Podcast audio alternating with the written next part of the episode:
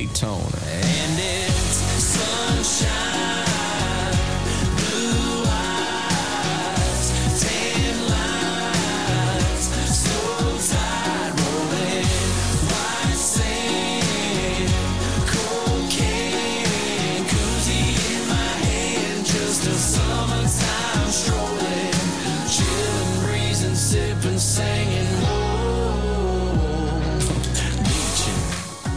Här låten heter, Peppa lyssna på det här, den här låten heter Beachen och den är gjord av Jake Owen. Om Owen Wilson och Jake Owen gifter sig och Owen Wilson tar Jake Owens efternamn så skulle han heta Owen Owen.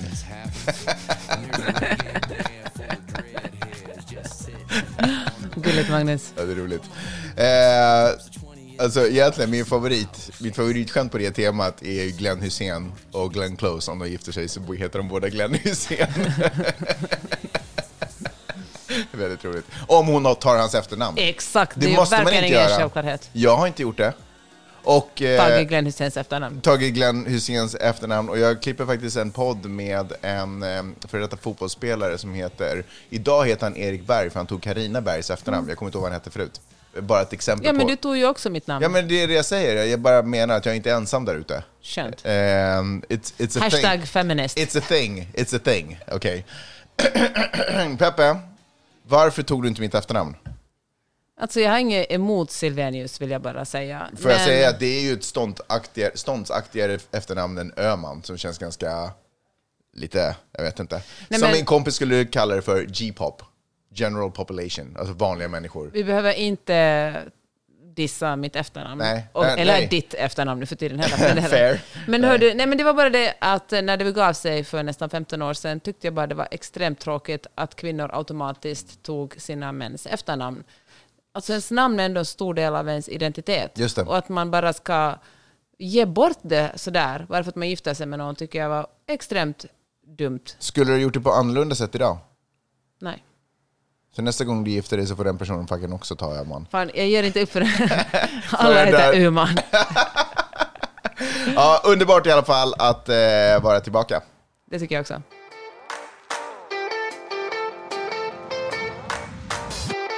Du lyssnar på Magnus och Peppes podcast.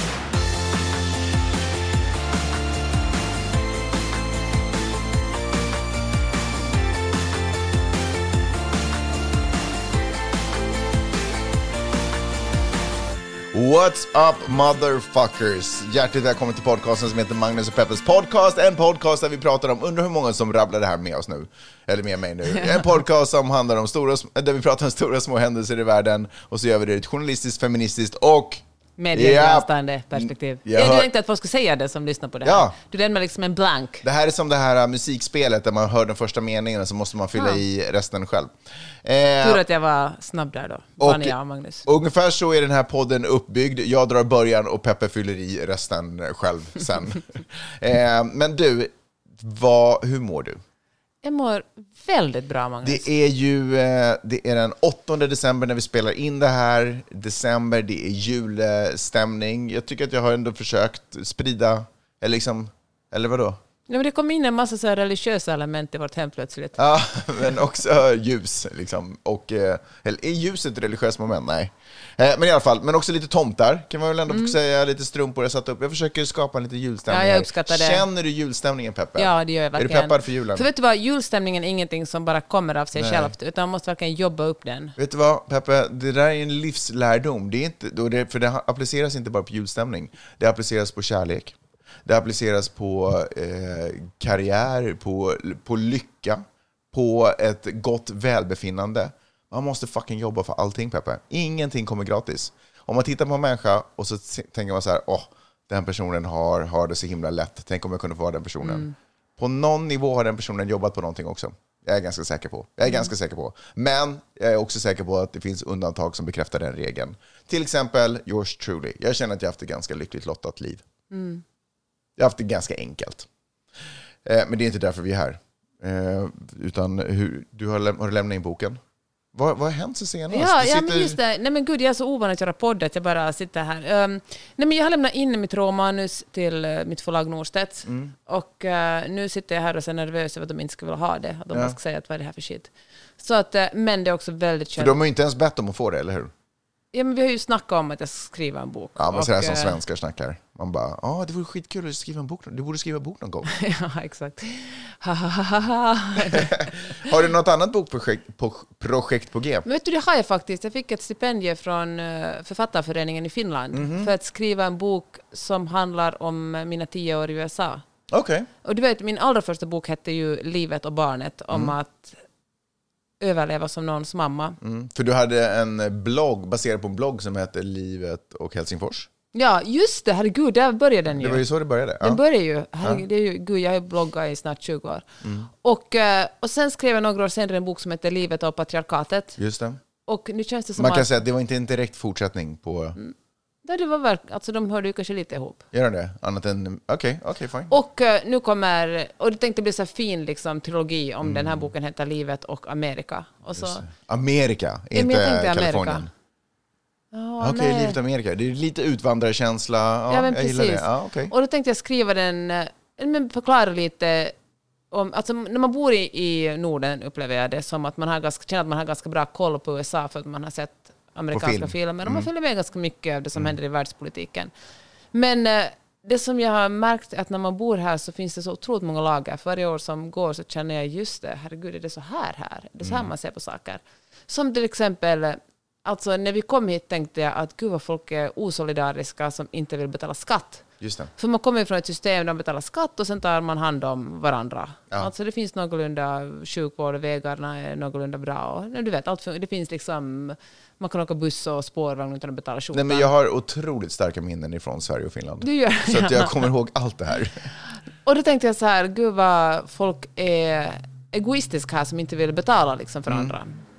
Men nu, sen förstod jag det efter en tid att herregud, det är så korrumperat det här landet. Och en jätte, jättestor del av en skattepengar går till militären. Just det. Så även fast man skulle betala massa skatt så skulle det ändå inte vara hela vägar eller gratis sjukvård. Exakt det. Och faktum är att så lite skatt betalar man inte här heller. Nej, det är också en sak Men som folk sen- tror, att man ja. inte betalar någon skatt. Men sen finns det förstås så mycket saker man kan göra och har man ett eget företag så är, för, alltså jag menar det här landet är gjort för, alltså det är ett kapitalistiskt samhälle. Liksom, Gjort för entreprenörer. ut i, ja, verkligen ut i fingerspetsarna. Så det finns ju jättemycket möjlighet att skriva av saker på. Men som en vanlig dude, när jag var liksom inom situationstecken anställd, skattade jag nog liksom svenska mått mätt skulle jag säga. Ja. ja, men det visste man ju inte när de flyttade hit. Nej. Nej. men jag tänkte skriva om sånt, försöka lära ut saker jag har förstått om USA ur ett personligt perspektiv. Och kanske också tala lite om vet du, amerikansk historia och Jaha, sånt. okej. Spännande Peppe. Ja. Är du nerv- när ska du sätta igång med det Är jag projektet? nervös? Ja. Ja, jag är väl alltid nervös. Men det är annorlunda också. Det är jättelänge sedan jag skrev en bok som är lite så här halv fakta, halv personlig. Jag Mm. skriver romaner på sistone. Så det ska bli spännande att se hur det känns. Det måste ju vara enklare, Ja, det tror jag verkligen. eller hur? Det ja. tänker jag. Det är väl bara researcha. Ja. Google, eh, eller ChatGPT typ. Det är ChatGPT som skriver den. Apropå ChatGPT så håller jag på med ett väldigt, eh, om jag får säga det själv, spännande projekt. Nej, men berätta Nej, jag Magnus. skojar bara. Det är väl inte så jäkla spännande. Men, jag, men eh, alltså jag ska ju starta en egen... Eh, jag håller på att jobba på en, en egen, eller en ny podd. Mm. Men den här podden är på engelska. Eh, och eh, det är kanske det stora grejen. Men faktum är att en av anledningarna till att jag ville sätta igång med den här podden Eh, det är flera anledningar, men en av de största anledningarna var att jag vill, jag vill liksom utforska AI som verktyg. Vad kan på riktigt AI göra för mig? Inte sådär, vad förutspår jag att AI kan göra för världen i framtiden? Utan idag, 2023, december, vad kan, hur kan jag använda, hur kan jag jobba med AI? Så jag har liksom försökt hitta alla tänkbara verktyg som ska hjälpa mig att göra den här processen smidigare förhoppningsvis, snabbare eh, och kanske till och med bättre.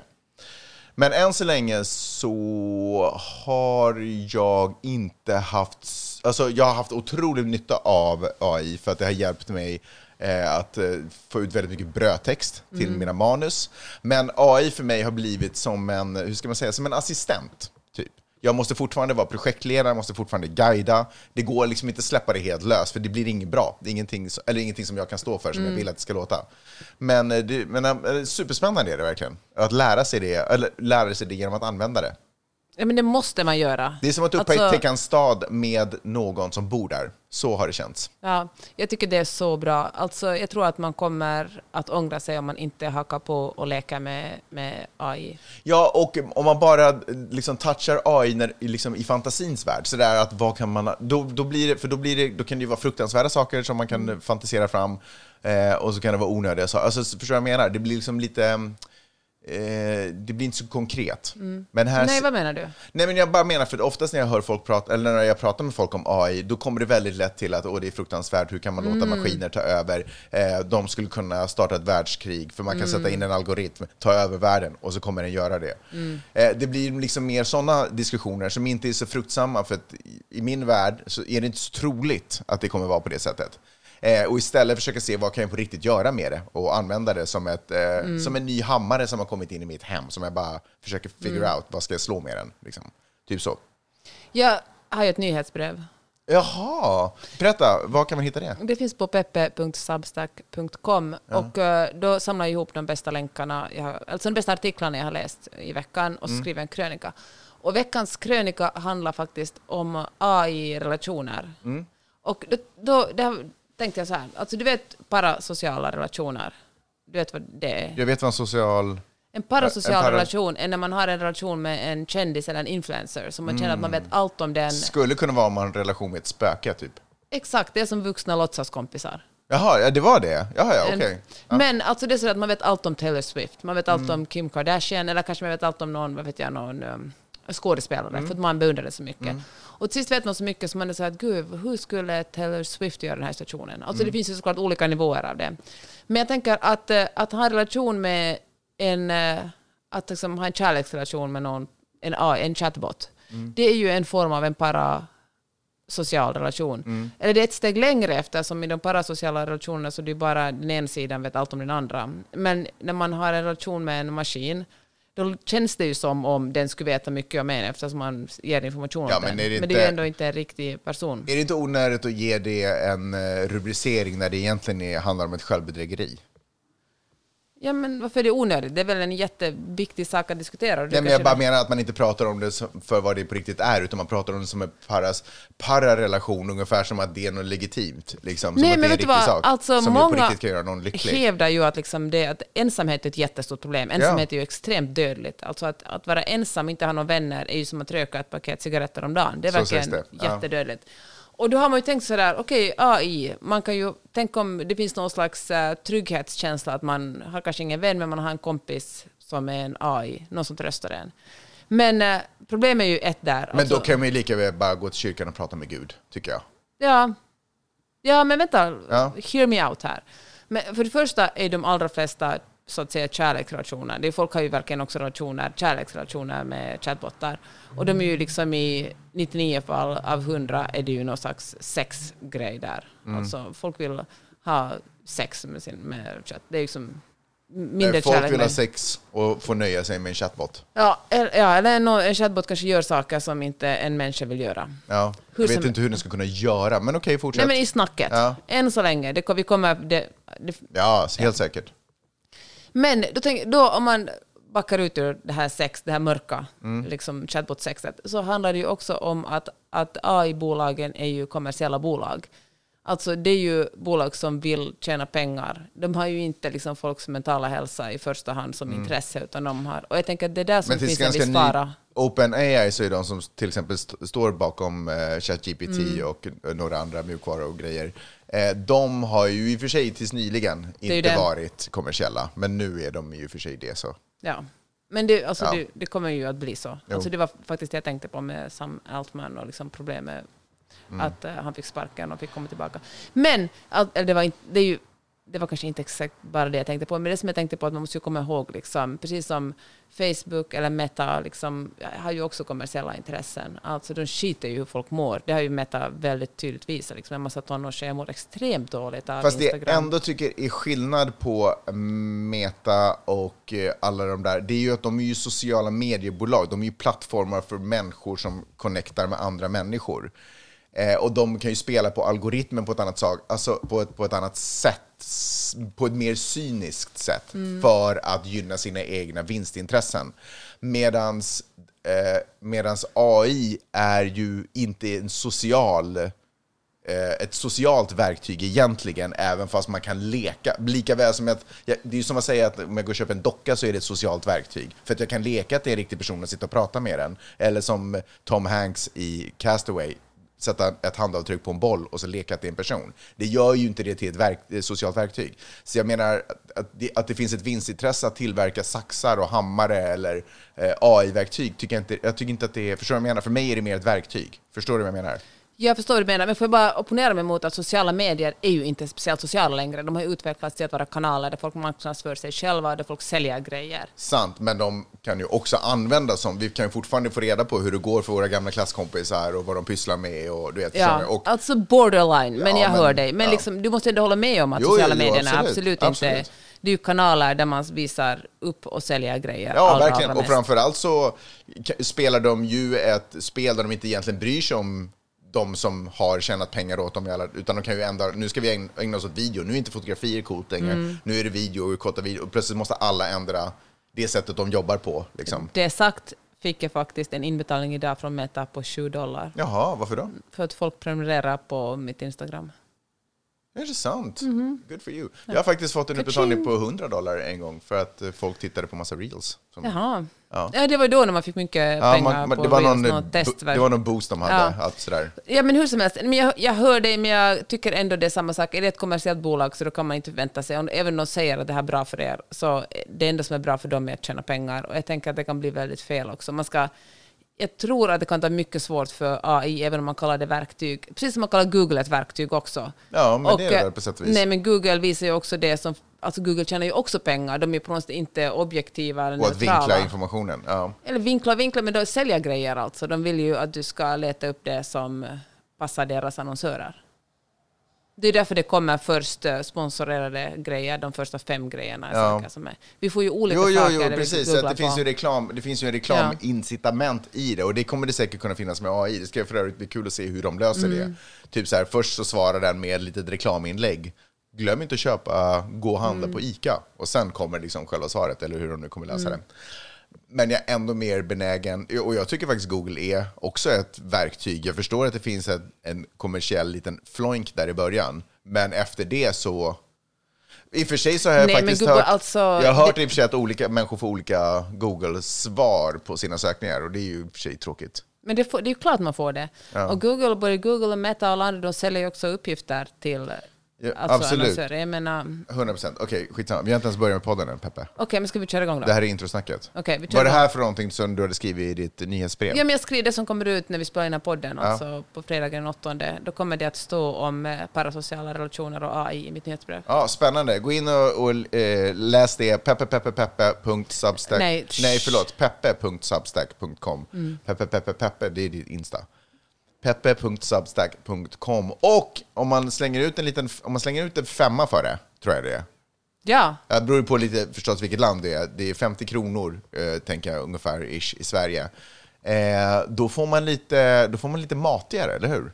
Ja, men så här är det. Jag tänker att alla har kanske inte råd att betala 5 dollar i månaden. De flesta har det, men alla har inte. Så därför är den första delen av nyhetsbrevet gratis. För Mm. jag skulle vilja säga att det är prioriteringar. Ja, men det är för de som verkligen inte har Ja. möjlighet att betala. ja, ja. Men jag utgår från att folk vill betala för innehåll. Och väldigt många gör det också. Jag tycker det är fantastiskt att... Men då får man också som en liten belöning får man inträde till VIP-avdelningen med Oj. en uh, ute och innelista. Kallar du det för. VIP-avdelningen? Ibland kallar jag det faktiskt. Wow. Och, eh, och så finns det en, en bra film eller tv-rekommendation där också.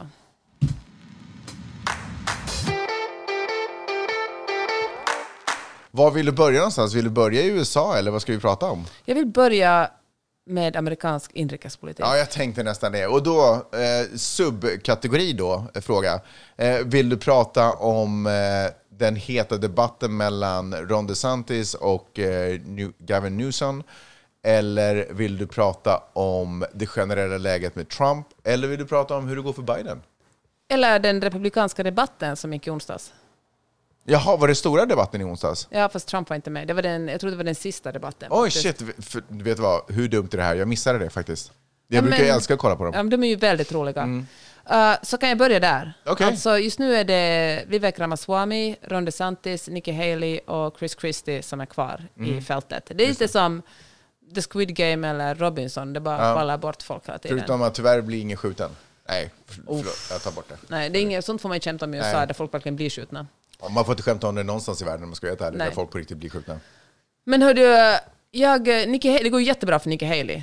Mhm. Alltså, det fanns en period när man var sådär, Ron DeSantis kommer att bli nästa president. Ja. Och sen började han prata och man fick liksom se hur han uppför sig. Och det visade sig att han är otroligt awkward. Han är inte så likable. Han är, det är så svårt, alltså han, är, han har ju vidriga åsikter. Men när du säger att det går otroligt bra för Nikki Haley så är det ju fortfarande kilometer ifrån Trumps Ja, siffror. hon uh, verkligen, men... Hon, Ingen kommer ju ta hans position Nej, som han kommer ju med presidentkandidat. liksom, han kommer att bli republikanernas kandidat. Men Mm. det är väldigt intressant att se hur fort det har gått för henne. För hon har gått från bara några procentenheter, hon verkligen kom ikapp liksom... Mm. Ja, hon har passerat Ron DeSantis, så det Ja. var väl det som var precis den stora skrällen. Och... eh, Vilket ja, news, eh, Gavin Newsom också skojade mycket om. Ja, vi kan ta det sen. Okej. För att tala om, om den här debatten nu. Ja, okej. Vivek Ramaswamy är ju en dåre. Mm. Och det är liksom, han, verkligen, han, tog, han satt i liksom verkligen den högsta växeln av dårskap och drog bara en massa konspirationsteorier. Ja, han försöker köra Trumps eh, koncept, alltså Exakt. vinnande koncept. Och jag tänkte, varför gör han det? Och jag tänker att kanske det är just det för att han vill fånga upp eh, Trump-väljare. Mm. Men det, det är ju liksom ingen bra strategi, för att vill man tro på konspirationsteorier och ha en galning, det är klart man går på Trump då. Varför ska man gå på honom? 100 procent. Så det är ju ingen jättehållbar strategi. Och jag tänker att, jag tror att han kanske, då tänker man så att han kanske siktar på 20, 28 liksom. Men alltså, helt ärligt, alltså den målgruppen, förlåt, jag, jag, kommer bara säga det, den målgruppen som han försöker stjäla, jag tror att den målgruppen ska ha väldigt svårt för att se en, är han pakistanskt ursprung eller indiskt ursprung? Jag vet faktiskt inte. Eh, Någon som inte är vit kan du säga. ja, säger det då, skulle ha väldigt svårt att se en icke-vit person Mm. eh, som president. Så att jag tänker att han, liksom, Av hans republikanerna... möjligheter är ganska dödfödda som de är. Om han siktar på det, det spelet, att försöka ta Trumps eh, retorik. tror att han är han kanske indiska föräldrar, eller, det, eller är det Nikki Haley som har indiska föräldrar? Bestämde vi oss inte för icke-vit. samma. I alla fall, men så här är det, vet du varför jag tror att det går så bra för Nikki Haley just Mm. nu? Det är ju inte för att hon är kvinna, för det här landet hatar ju kvinnor, och Mm. om någon hatar kvinnor jättemycket så är det ju verkligen republikanerna. Verkligen. Men det är för att medan Vivek Ramaswamy, inte så mycket Ron DeSantis, men, eh, och Trump, och är liksom, de är så chaos agents. Det är bara kaos omkring dem. De säger galna saker, de gör galna saker, de ljuger, det är konspirationsteorier. Och hon kommer in och är lugn. Hon bara, så här tycker jag. Och liksom, hon är inte kaos, hon så här motsatsen till kaos. Och jag tror det är därför som folk är så glada. De bara, huh, jag är republikan, svårt att rösta på Trump. För det är egentligen bara 30 procent av republikanerna som är sådär die hard Trump-fans, som gör vad som helst. Och så finns det en liten annan grupp som är väl ungefär 30 procent där också, som är sådär, oh, fuck it, no, han får vår röst då. Och så finns det några som är never Trumpare, som är kanske 10-15 procent. Tror att hon skulle kunna fungera som en, du vet hur man pratar om, heter det eco-washing? Greenwashing heter Mm. det, när man liksom låtsas adaptera en liten eh, miljövänlig approach i företaget för att ta poäng. Tror att hon kan fungera som någon form av så här female washing? Att hon... 100 procent. Att om man säger, ja. Ja. men vadå, vi röst, hon, det går ju bra för henne, hon är republikan och vi är med, Ja. liksom, jag gillar Vi henne. gillar, kolla, vi Ja. gillar kvinnor, hon Ja, vara med. Exakt. Mm. Hon och blir sen så fattar liksom, hon bara, så är hon med och fattar bara massa så här misogyna beslut. som en token. Liksom. Ja, hon har ju sagt att hon är absolut en pro-life, samtidigt som hon har sagt att det kommer aldrig att gå att göra ett federalt beslut där abort är förbjudet i alla delstater, till exempel. Mhm. Och, eh, så hon liksom flörtar med de konservativa, men samtidigt är hon sådär att uh, it is what it is, det här, det här är men tycker du att hon är realiteten. vettig eller? Uh, nej, men vet du vad, jag tror att hon, hon är det som Ron DeSantis också var. Alltså, värderingsmässigt man ju aldrig kunna drömma om att rösta. Vi får ju inte ens rösta, men rösta på dem, för de ligger så långt högerut. Men jag tror att det är så mycket kaos kring, kring Trump, att, eh, att man är så att okej, det är ändå liksom inte galningar. Det är liksom po- politiker som på något sätt vill följa lagen i alla fall. De vill liksom inte förstöra den amerikanska demokratin för sin egen skull, utan de kommer, att, de kommer att fatta vidriga beslut, men de kommer ändå att hålla sig inom konstitutionen och lagens ramar. Och jag tänker det är därför, av samma orsak som man tycker att George W. Bush ändå i jämförelse med Trump var man sådär att men han var väl ändå inte så illa. Att han var väl inte en, en han var, han var väl helt en gullig farbror. Ja. Liksom. Medan man tyckte att när han gick in i Irak tyckte man att han var eh, galen, alltså mycket demonstrationståg. Och jag tänker att det är också helt enkelt jämförelse med Trump som gör att man tycker att Ja, Nikki. Haley ska vara en acceptabel president. Ja, ja, du menar så, ja, just det. Ja. Och eh, Chris Christie, han är ju bara med i valet för att han vill, han hatar, han vill ju bara sänka Trump.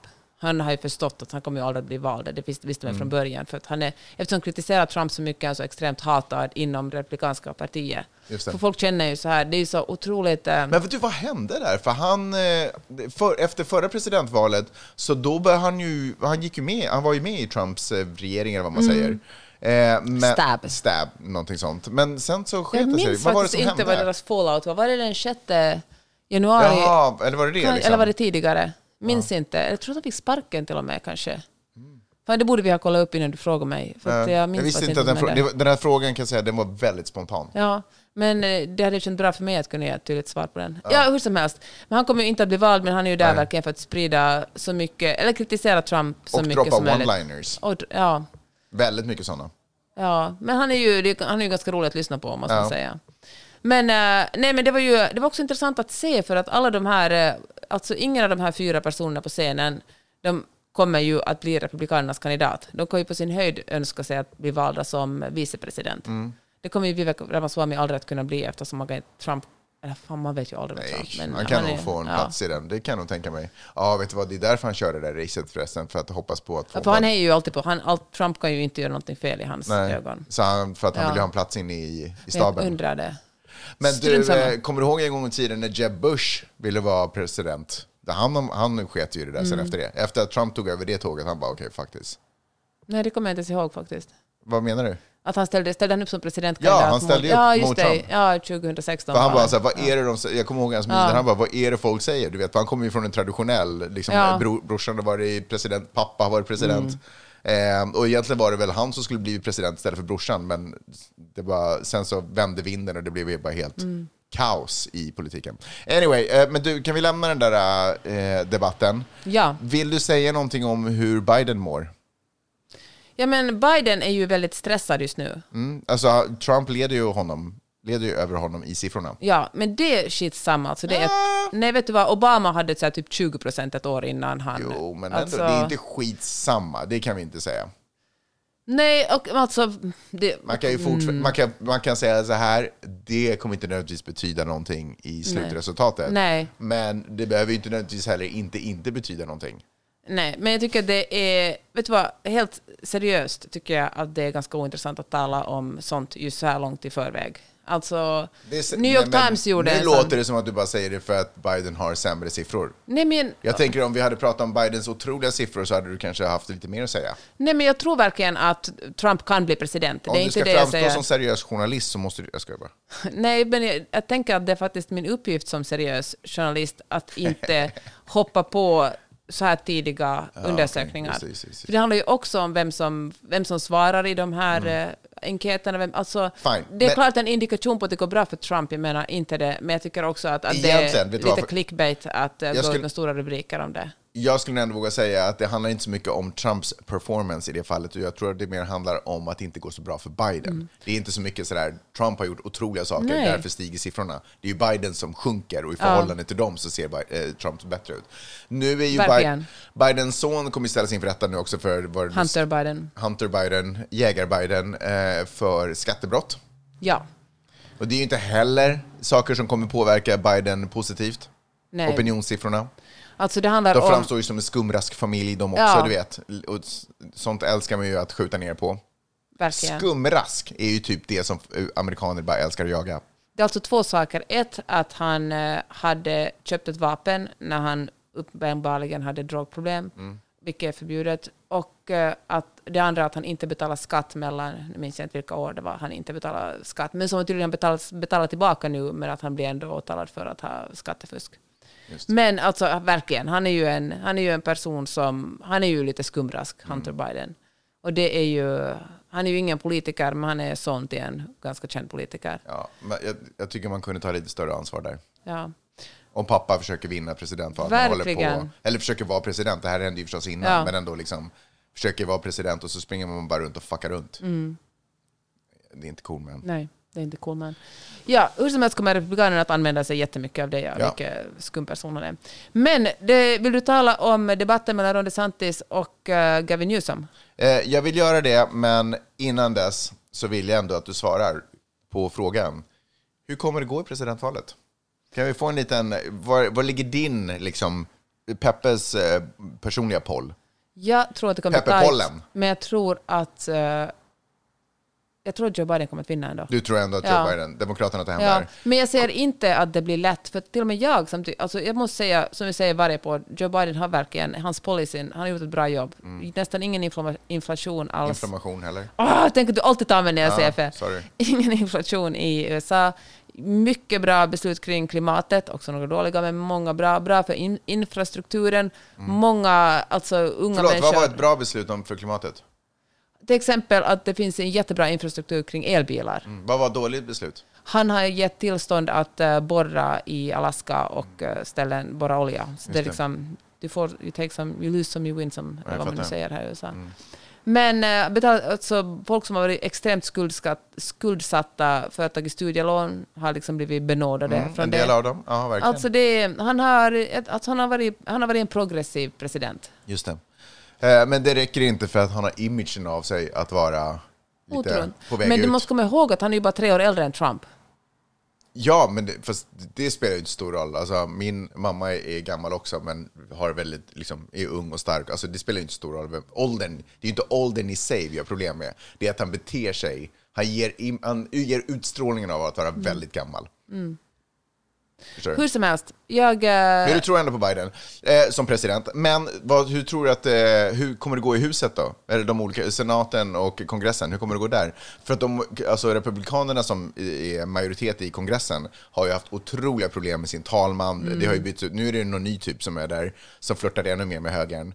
Eh, nu kommer jag inte ihåg vad han hette, han som var där innan, men han lyckades inte hålla ihop det och det var ett jäkla show att ens få honom vald. Liksom. Kevin McCartney. Kevin McCartney, bra Peppe. Men du, hur, eh, hur kommer det gå där tror du? Jag tror Kommer att... makten gå över igen? Nej, jag tror det är tajt. Jag tror att Republikanerna håller huset och att... eh, nej, fan, jag vet faktiskt inte. Och att eh, Demokraterna håller senaten. Som, som nu alltså? Ja.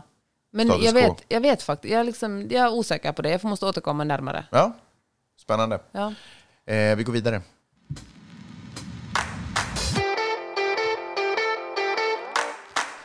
Gavin Newsom, Kaliforniens guvernör. Du gillar honom?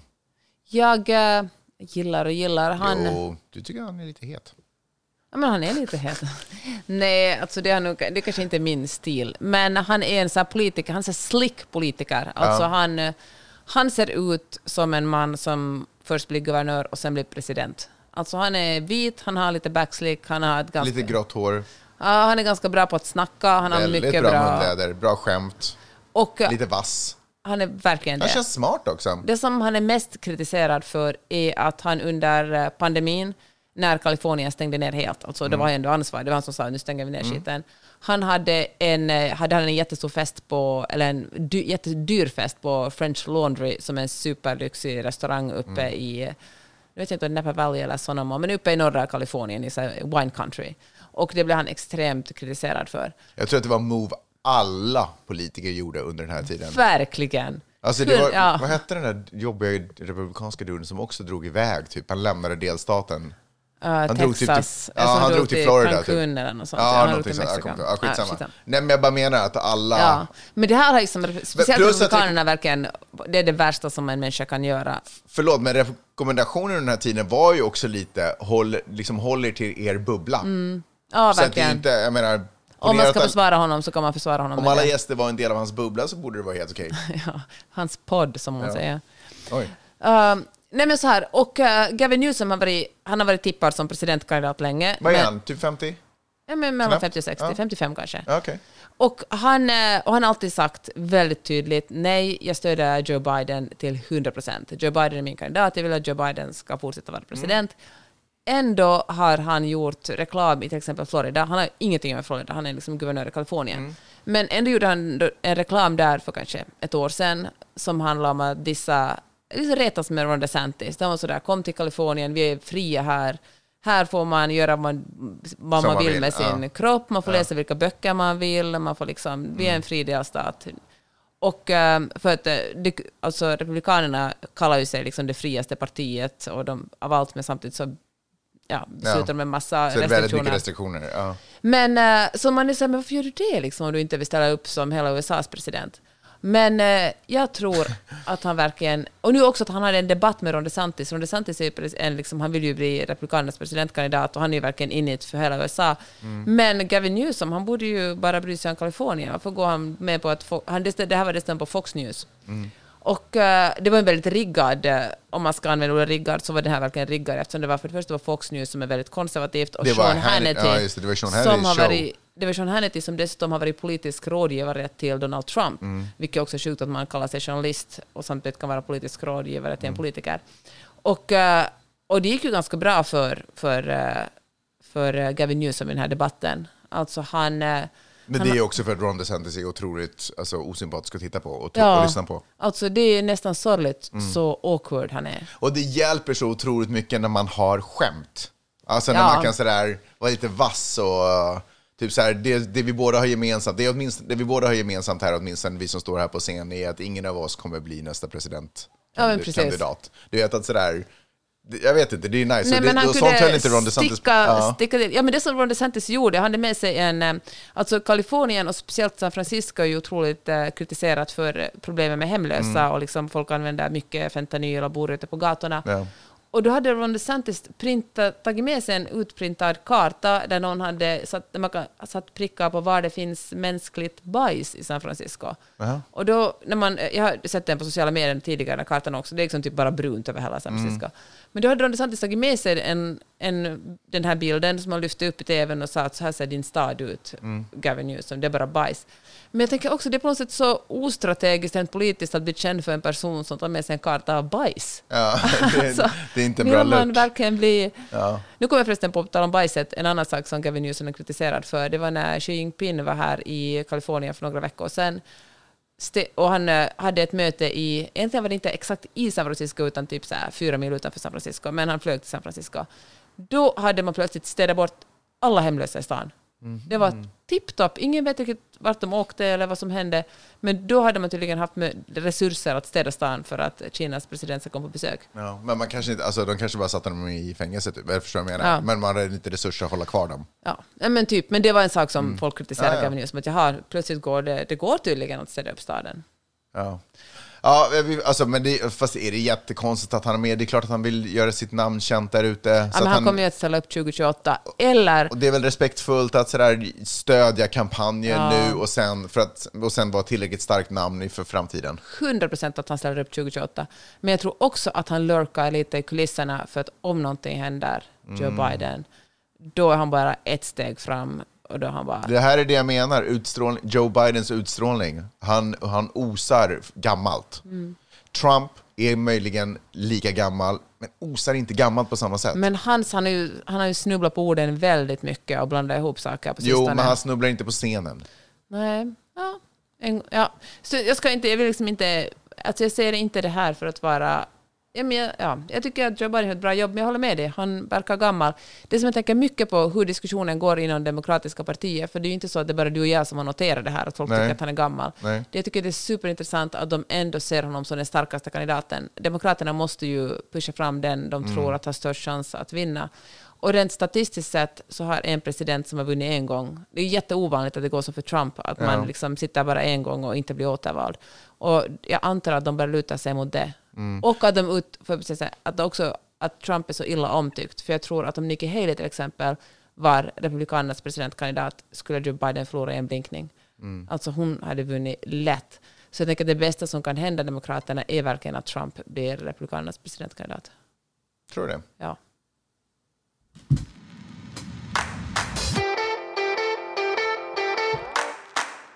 Ska vi tala om resten av världen?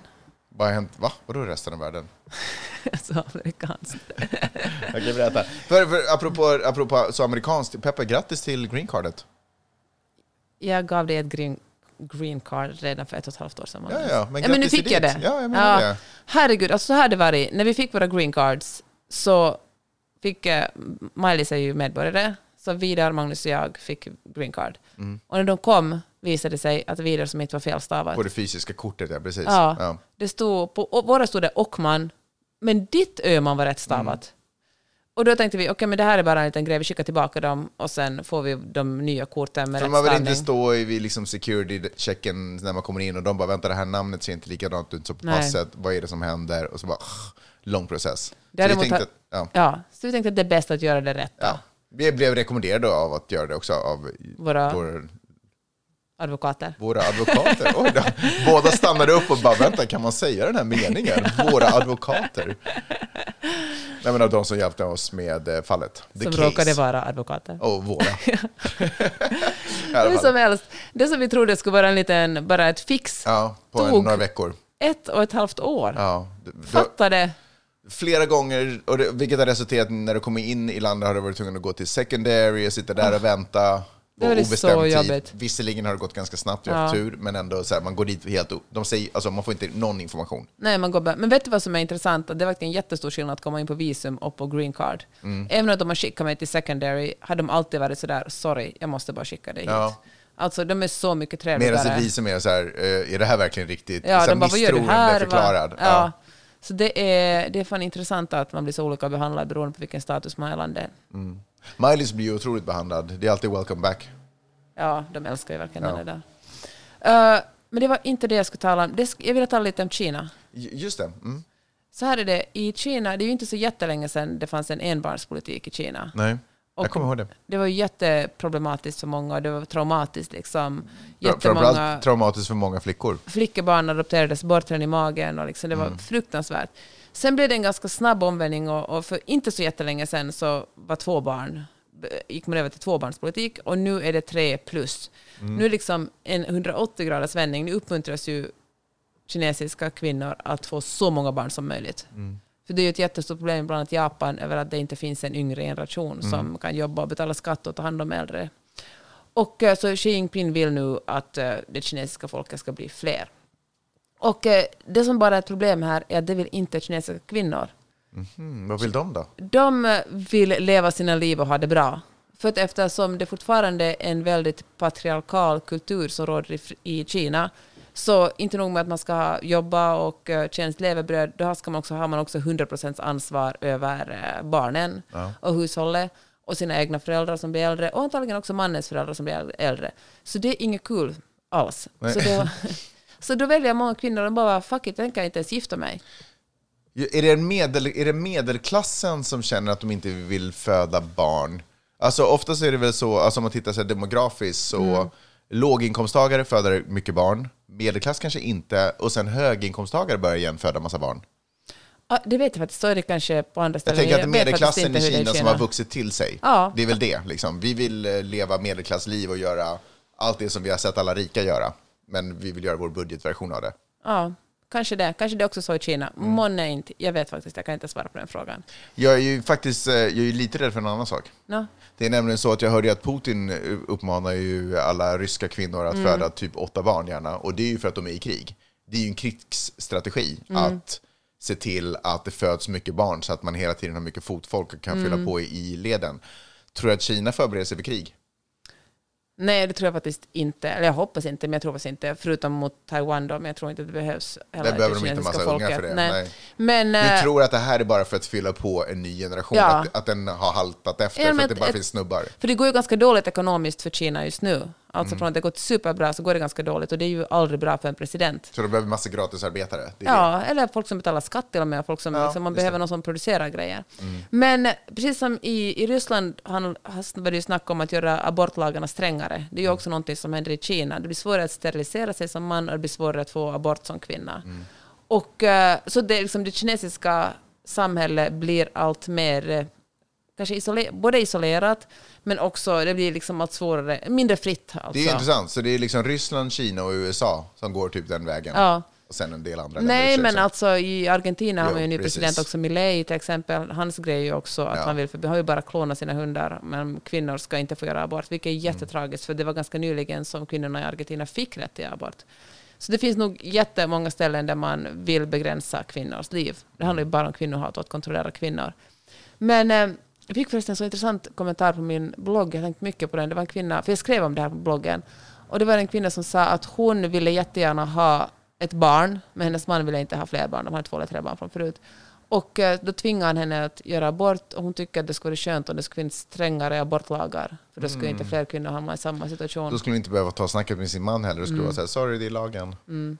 Alltså jag, håller alltså jag respekterar folk får tycka vad de vill faktiskt, men jag tycker det var otroligt... Eh, ja, alltså abort är ju, det är ju hälsovård. Det är, liksom, det är inte vad man känner för hit. Det, det är otroligt viktigt att kunna bestämma över sin egen kropp. Just den processen är ju lite svårt att se hur han har kunnat tvinga henne att ta... Alltså jag menar, Mm. det, är, det är inte svårt att se hur han har kunnat göra det obviously, men det är ju, det är ju redan där finns, är det ju en fnurra på tråden kan man säga. Ja, men verkligen. Då kanske man säger, kanske, att jag ska inte bestämma om någon annans familj, men kanske terapi till att börja med och sen... Best, ja.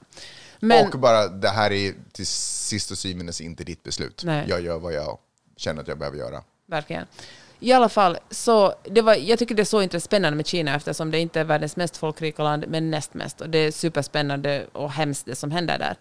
Och då lyssnade jag på en podd, jag det var The Daily Podcast eller vad annan podd jag lyssnade på igår, som handlar om en, hur eh, allt fler kineser vill ju ta sig ur landet. Alltså till och med till gränsen mellan Mexiko och USA kommer det allt fler kineser som har flytt via kommer via liksom sydamerikanska länder, inte ens centralamerikanska utan sydamerikanska länder, tagit sig igenom ända till gränsen. Visst är det, och liksom folk som bara har köpt ut sig och som försöker, och försöker komma in i landet.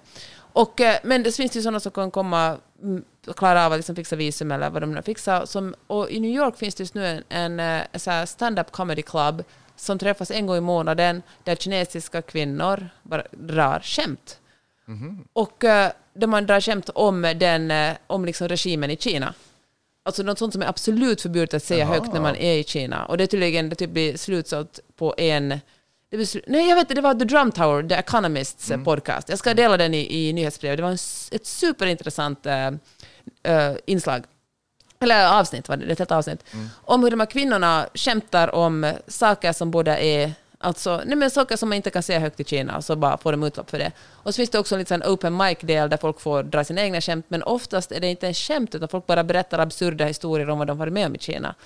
Och vissa som kommer dit täcker sina ansikten, har typ sådär, har liksom en, en ansiktsmask och solglasögon för att inte bli igenkända, för de vill kanske åka tillbaka till Kina, eller så är de rädda för att om, de, om någon, det kommer någon och angivare dit, så hamnar deras familj, släktingar och familj som kanske är kvar i Kina illa ut och blir bestraffade.